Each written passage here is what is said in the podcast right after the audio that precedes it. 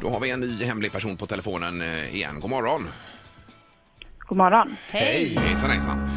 Ja du, hur, hur är det med dig idag? Bra. är Okej, bra. vad gör du? Eh, ätit frukost precis. Det har du gjort, ja. Okej. Är du- Ing- Nej, oh, det var den jag skulle Är du i gissa. Göteborgstrakten eller är det Stockholm på dig? Inget. Inget, utav det? Okej. Ingemar, jag säger Charlotte Kalla. Rätt.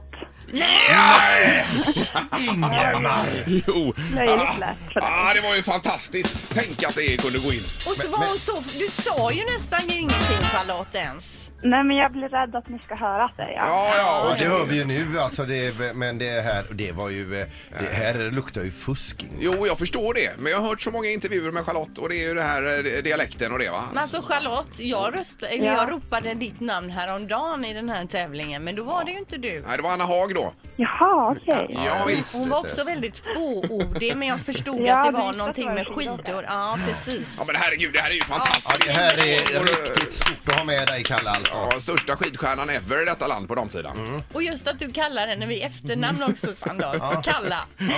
Är du också i Italien Charlotte eller? Nej? Jajamän. Eh, Ja, då är det Jag jag. Livigno. Ja precis, och på träningsläger där. Ja, Hur är vädret då? alltså det, man törs nästan inte säga. Det är alldeles vitt här och strålande sol. Åh Eller herregud. den är inte, den är på väg upp. Klarblå himmel, inte ett moln. Nej, Så nej. Fint. Jag har det bra. Ja, ja precis. Och nu är det nya tävlingar i helgen här då. Ja, precis. Vi kommer åka till Davos imorgon för de har inte haft eh, snö där. Nej. De har fått producera konstsnö. Så därför har vi varit i Italien då, några dagar. Just och det. tränat. Ja, för att, ja, det är ju svårt utan snö. Men Charlotte, så här i, Ja. i eran högsäsong, hur mycket tränar du?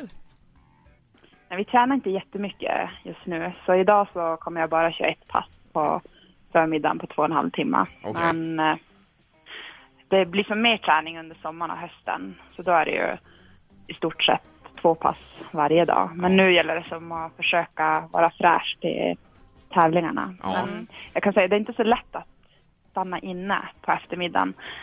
För det är superfint här. Man skulle kunna vara ute i timtals. Ja, och bara åka. ja. men lägga Ja, sig och se en film eller någonting på eftermiddagen? Ja. Ja, fast jag ska på utflykt i eftermiddag. Jag ska hälsa på en kompis som bor i Pontresina som är bara en, ett stenkast härifrån. Jaha, så okej. det ser jag fram emot. ja, det förstår vi. Du, vi måste fråga också, alltså, i, vi- vi får backa band lite grann till Sochi här. eh, Hur många gånger har du själv tittat på din, din superspurt på eh, efteråt? Eh, alltså jag tror faktiskt inte jag själv har tryckt på play och letat upp klippet någon Nej. gång. Jag kollar de andra loppen på OS, men andra har ju verkligen serverat mig den spurten Ja, titta här, titta flera här. gånger om. Ja, det var ju magiskt. Men, men, men du, alltså den upphämtningen som du gör där, alltså, v- vad, vad, du måste ha känt dig hur stark som helst i kroppen när du gjorde detta. Ja, det gjorde jag. Det fanns som inget annat än att bara köra på. För jag, nog var jag bra slut när jag hade kommit ikapp eh, finskan och tyskan när vi vände ner. Men just där på stadion så var det som bara någon instinkt att jag ska fram. Jag ska, jag ska vara först. Vi satsar mot guld. Ja, Alltså när du bara du pratar om det här nu så får man ju gåshud. Ja, det gör man. Och det var ju värsta stenmarkfebern då i Sverige med men, du, detta. men, men du säger ju liksom att du är lite är du, i, på stadion alltså, och du eh, gör den här otroliga eh, spurten. Ändå så står du nästan helt obemärkt och hyllar eh, alltså, och firar med, med dina kompisar. Nej, så var det väl inte. De kom och hoppade på mig. Ja. Och då skrek jag, även fast kanske inte någon hörde. Ja, Bak nej. med er, bak med er, jag får ingen luft. Nej, Ja, det var inte vad vi uppfattade. Nej, precis. Men nu har de presenterat en ny mössa också inför Falun här, Charlotte. Hörde du det? Med, med lite mer Sverigefärger, för det var ju Norgefärger i den första mörs- mössan. Jaha, Ja. har det kommit en ny nu? Ja, det har kommit en ny med, med bl- blått och gult då. Ja, men det låter ju... Så nu, nu behöver ni inte köra med Norges mössa längre.